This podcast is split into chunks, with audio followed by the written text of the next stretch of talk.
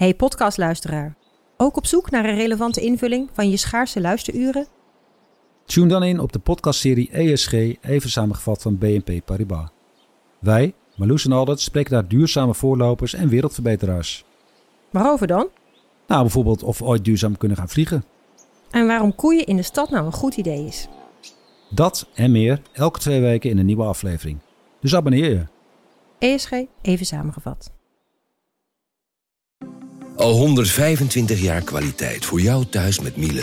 Dat vieren we met jou.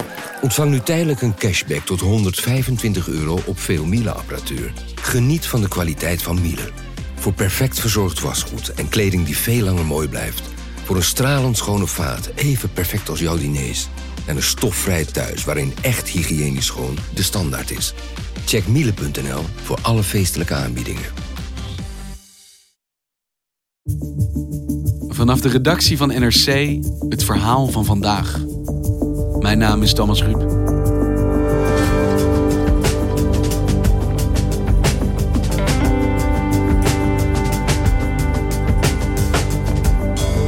De Indonesische hoofdstad Jakarta gaat ten onder. Letterlijk. De stad kan met overstromingen, verkeersopstoppingen, stormen en dus wil de regering daar weg. Een gloednieuwe stad op een ander eiland moet vanuit niets uit de grond gestampt worden. Maar de dorpelingen daar, ontdekte correspondent Annemarie Kas, weten nog van niets.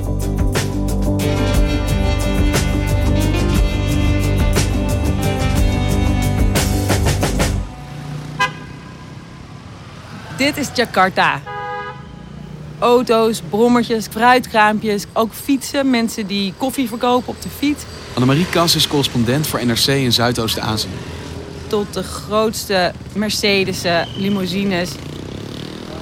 Het is één grote kakofonie aan vervoersmiddelen. En je ruikt een mengeling van heerlijke gado-gado gemengd met uitlaatgassen. Ja, er hangt gewoon continu een soort laag van smog over de stad. En dit is de nieuwe hoofdstad van Indonesië. Bossen, stoffige wegen, dorpjes met houten huizen zonder glas in de vensters. Kale plekken ook, want er is veel houtkap. Het is heel dun bevolkt, er zijn een paar dorpjes.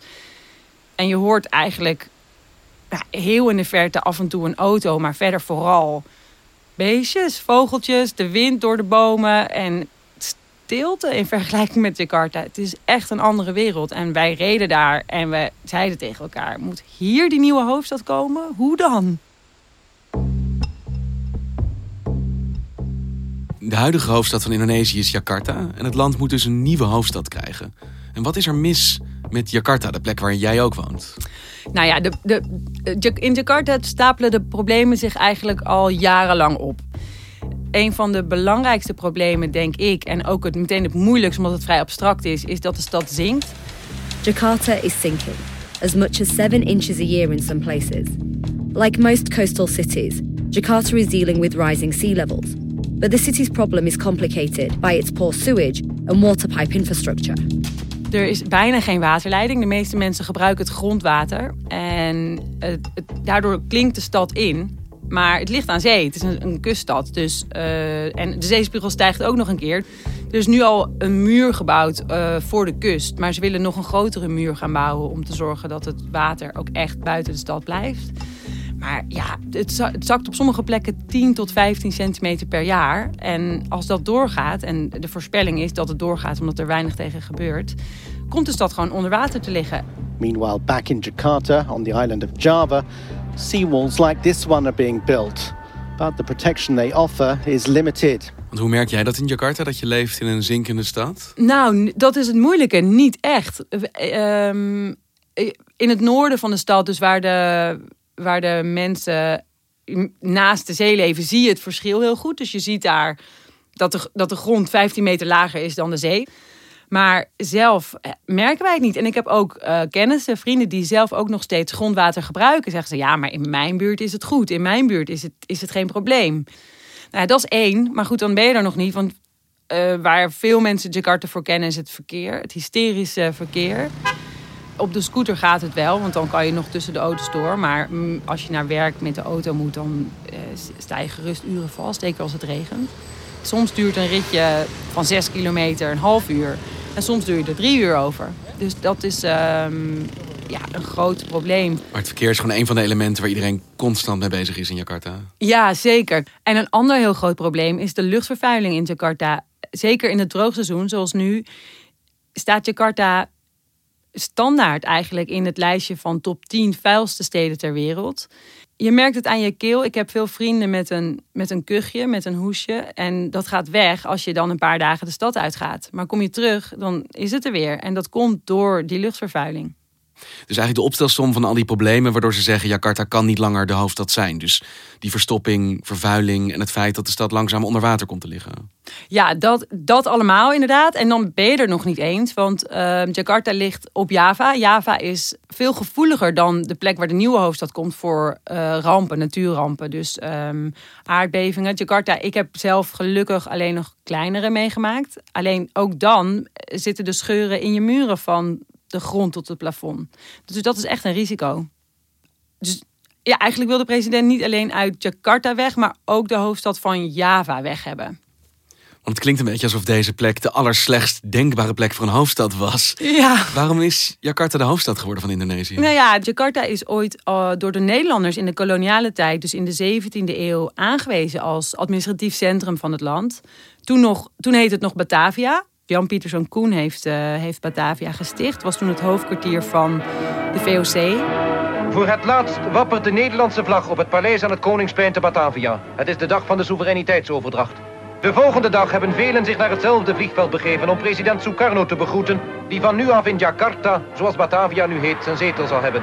Na de onafhankelijkheid is er wel steeds twijfel geweest omdat die koloniale associatie natuurlijk, ja, daar wilden de Indonesiërs eigenlijk uh, vanaf. Dus er zijn toen wel um, overwegingen geweest om de hoofdstad alweer te verplaatsen. Maar ja, omdat het ook een zakelijk centrum van, van het land was geworden inmiddels, is het toch de facto toen Jakarta gebleven.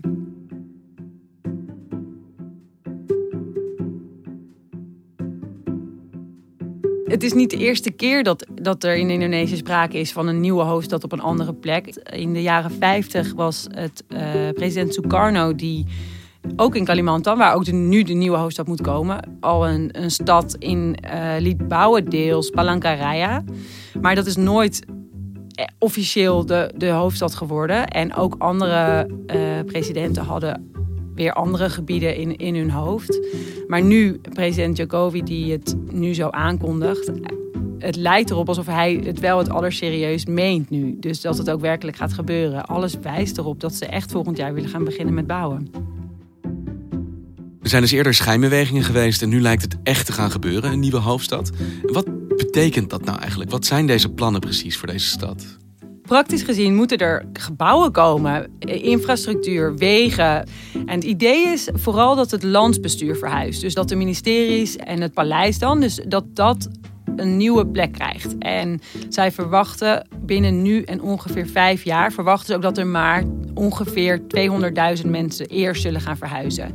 En wie zijn dat? Dat zijn ambtenaren. Dus dat zijn mensen die op die ministeries werken in die, in die nieuwe gebouwen. En uh, hun personeel dat, dat waarschijnlijk mee zal verhuizen.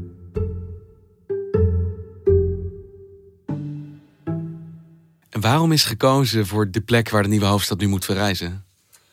Uh, volgens president Jokowi is deze nieuwe plek de ideale locatie voor de nieuwe hoofdstad. Hij zegt, Ibu kota baru yang paling ideal adalah di sebagian Kabupaten Kertanegara, provincie Kalimantan Timur.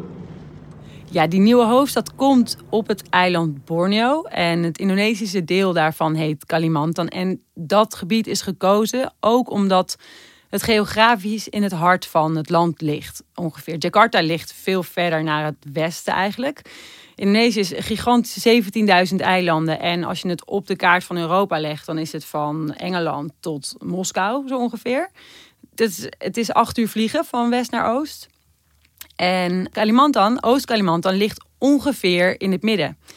Het is een gebied wat nog veel minder ontwikkeld is dan Java. Dus, dus het, het zou economisch is hun aanname dat het de mensen daar eh, economisch vooruit helpt. En jij bent daarheen gegaan, naar dit gebied, waar deze stad moet komen. Ja, ik ben erheen gegaan samen met mijn vertaler en cameraman. En wat tref je daar aan als je daar komt? Ja, het, is, uh, het grootste deel is productiebos en palmolie en acaciabomen. Dus, dus bomen voor houtpulp. Wij waren op een, op een heuvel en je ziet, je ziet tot kilometers ver zie je eigenlijk bos en bomen en struiken afgewisseld met beige, bruinige, kale plekken. Dat is wat het is. En wat ging je daar doen? Waarom ben je daarheen gegaan? Nou, wij wilden kijken, om wij wilden kijken hoe het eruit ziet. En, en met de mensen praten die daar wonen en wat die ervan vinden. En, en uitzoeken ja, of het voor hun een goed idee is om daar een nieuwe stad te bouwen. En hoe ze daar tegenaan kijken.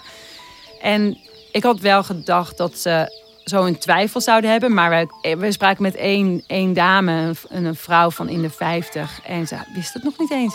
Ze wist niet dat er op haar, in haar dorp een nieuwe hoofdstad zou komen. Jij was degene die haar vertelde dat ze binnenkort in de metropool zou wonen. Ja, wij vroegen haar: um, Goh, wat vindt u ervan? Wat vindt u ervan dat hier die nieuwe hoofdstad komt?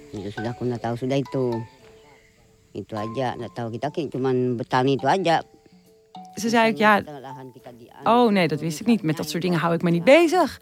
Ik ben een rubberboer en daar hou ik me mee bezig. Ik, ga, ik, zie wel eens, ik heb Jakarta wel eens op televisie gezien. Ja, het lijkt me een hele drukke stad. Maar ik ga om acht uur of negen uur naar bed. En uh, ik sta de volgende ochtend lekker vroeg op om weer aan de slag te gaan. Maar haar leven, hun levens gaat toch gigantisch veranderen dan nu? Ja, en daar was ze dus ook wel bang voor. Toen ze eenmaal begreep wat er ging gebeuren, zei ze: ja, maar hoe moet dat dan? Want het enige wat wij hebben is ons land. En als ons land, als daar mensen komen wonen, dan hoe moet dat dan verder? Hoe moet dat dan met mijn kinderen? Hoe moet dat met mijn kleinkinderen? Onze aarde, onze grond is hoe wij leven. En ja, dat past hier niet bij. En is er iets over te zeggen over waar zij wonen en hoe die stad uh, zich daartoe verhoudt? Zeg maar, is het echt zo dat hun land straks verdwijnt? Dat ze straks nou, op een plein wonen in plaats van uh, op een plantage? Nou, er zijn wel kaarten, dus er gaan wel kaarten rond. Maar hoe dat precies vorm gaat krijgen, dat weten ze volgens mij ook gewoon nog niet. Het is nog in die zin echt prematuur. Het enige wat er rondgaat nu over het ontwerp van die stad is een soort artist impression van uh, de ministeries met een soort grote uh, monument en een paleis. En het is ook grappig, want dat is een heel vlakke artist impression. Dus het is een soort polder eigenlijk. Maar dat gebied waar wij waren, dat is heuvelachtig. Dus, dus wij waren daar. Nou, dit, hoe wil je hier ooit die vlakke gras, grasweides op hebben die in die artist impression staan? Dat gaat helemaal niet. Ja, want hoe bouw je een stad uit het niets? Ja, dit is ook waar de meeste analisten en experts ook van denken dat dat een probleem gaat worden. Want het ontwerpen van een stad, daar zijn Indonesiërs helemaal niet zo goed in. De grote vraag is of het hier wel lukt. En, en zij zeggen ook, het moet ook een groene stad worden. Want wat ik zei, er is heel veel bos en er is ook een deel beschermd natuurgebied. En de, en de overheid, de regering en de ministeries zeggen allemaal... ja nee, maar het beschermde natuurgebied, dat blijft natuurlijk. En het wordt een prachtige groene stad. Maar of dat ook echt gaat lukken, daar hebben NGO's echt hun twijfels bij. Want ja, je moet het dan ook wel zo ontwerpen dat dat groen blijft. En daar heeft Jakarta gewoon geen, of ja, het, het bestuur geen goede track record in.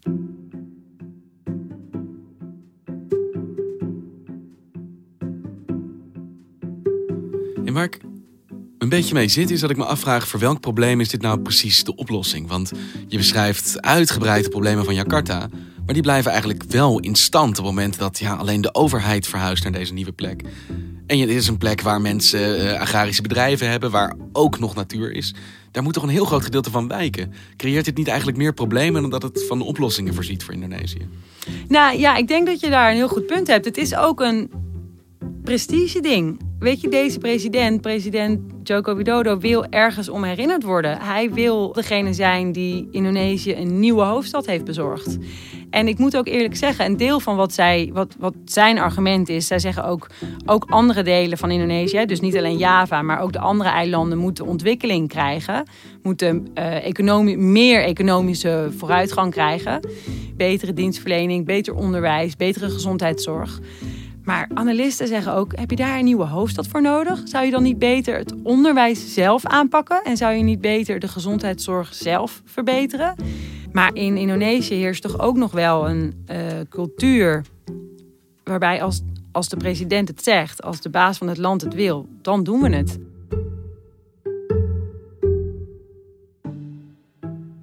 Als ik jou zo hoor, krijg ik bijna zelf een soort zenuwachtig gevoel van... is dit een soort plan wat gedoemd te mislukken is... waar niet goed over nagedacht is... wat misschien echt totaal onhaalbaar gaat blijken te zijn? Ja, dat begrijp ik. En tegelijk denk ik, onder deze president, Joko Widodo... of Jokowi, zoals iedereen hem in Indonesië noemt... zou het wel kunnen. Hij staat er wel onbekend dat hij dingen voor elkaar kan krijgen. In zijn tijd als gouverneur van Jakarta... heeft een tijd heeft hij, heeft hij Jakarta bestuurd heeft hij een heel groot aandeel gehad in de bouw van de metro bijvoorbeeld. En iedereen zei Jakarta en de metro, nou dat gaat niet gebeuren. En ja hoor, die metro is laatst open gegaan. The Jakarta Mass Rapid Transit or the MRT is expected to be opened to the public in March with the first phase running between South Jakarta and Central Jakarta. The line covers a distance of about 16 kilometers and includes 13 stations. Iedereen zo trots als een pauw en Jacobi heeft daar echt een grote bijdrage aan geleverd. Ook zijn infrastructuurprojecten, tolwegen gaan overal open. Dus als een president dit zou kunnen, dan denk ik wel dat hij het zou zijn. En als de president het wil, verhuis jij dan binnenkort ook die kant op? Ik denk het eerlijk gezegd niet. Ik denk um, wel bijvoorbeeld dat ambassades, eh, misschien consulaten zullen openen. Uh, want ja, je hebt ook de landelijke overheid nodig. Ik bedoel, er zitten heel veel contacten en samenwerkingen met allerlei ministeries. Maar iedereen weet, en dat, dat, geeft, dat geven de minister zelf ook toe, dat Jakarta ook het zakelijke hart van het land blijft. Als je ook naar andere steden kijkt, uh, bijvoorbeeld in Myanmar heb je ook die nieuwe hoofdstad Naypyidaw. En daar zie je ook dat het een pendelgebeuren is geworden. Dus mensen gaan op maandagochtend gaan ze, gaan ze naar die nieuwe stad, doen ze hun werk. En dan op vrijdag gaan ze terug naar Yangon, naar de oude hoofdstad. En ik denk dat dat hierbij weet je, mocht, mocht het ooit inderdaad uh, zover komen, dat ook hier de vliegmaatschappijen goede zaken gaan doen. Maar voorlopig ziet het ernaar uit dat jij als correspondent nog wel eventjes in Jakarta blijft wonen.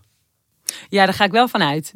Ik, uh, ik denk eerlijk gezegd dat 2024 ambitieus is. Dankjewel Annemarie. Je luisterde naar vandaag, een podcast van NRC. Eén verhaal, elke dag. Dit was vandaag, morgen weer.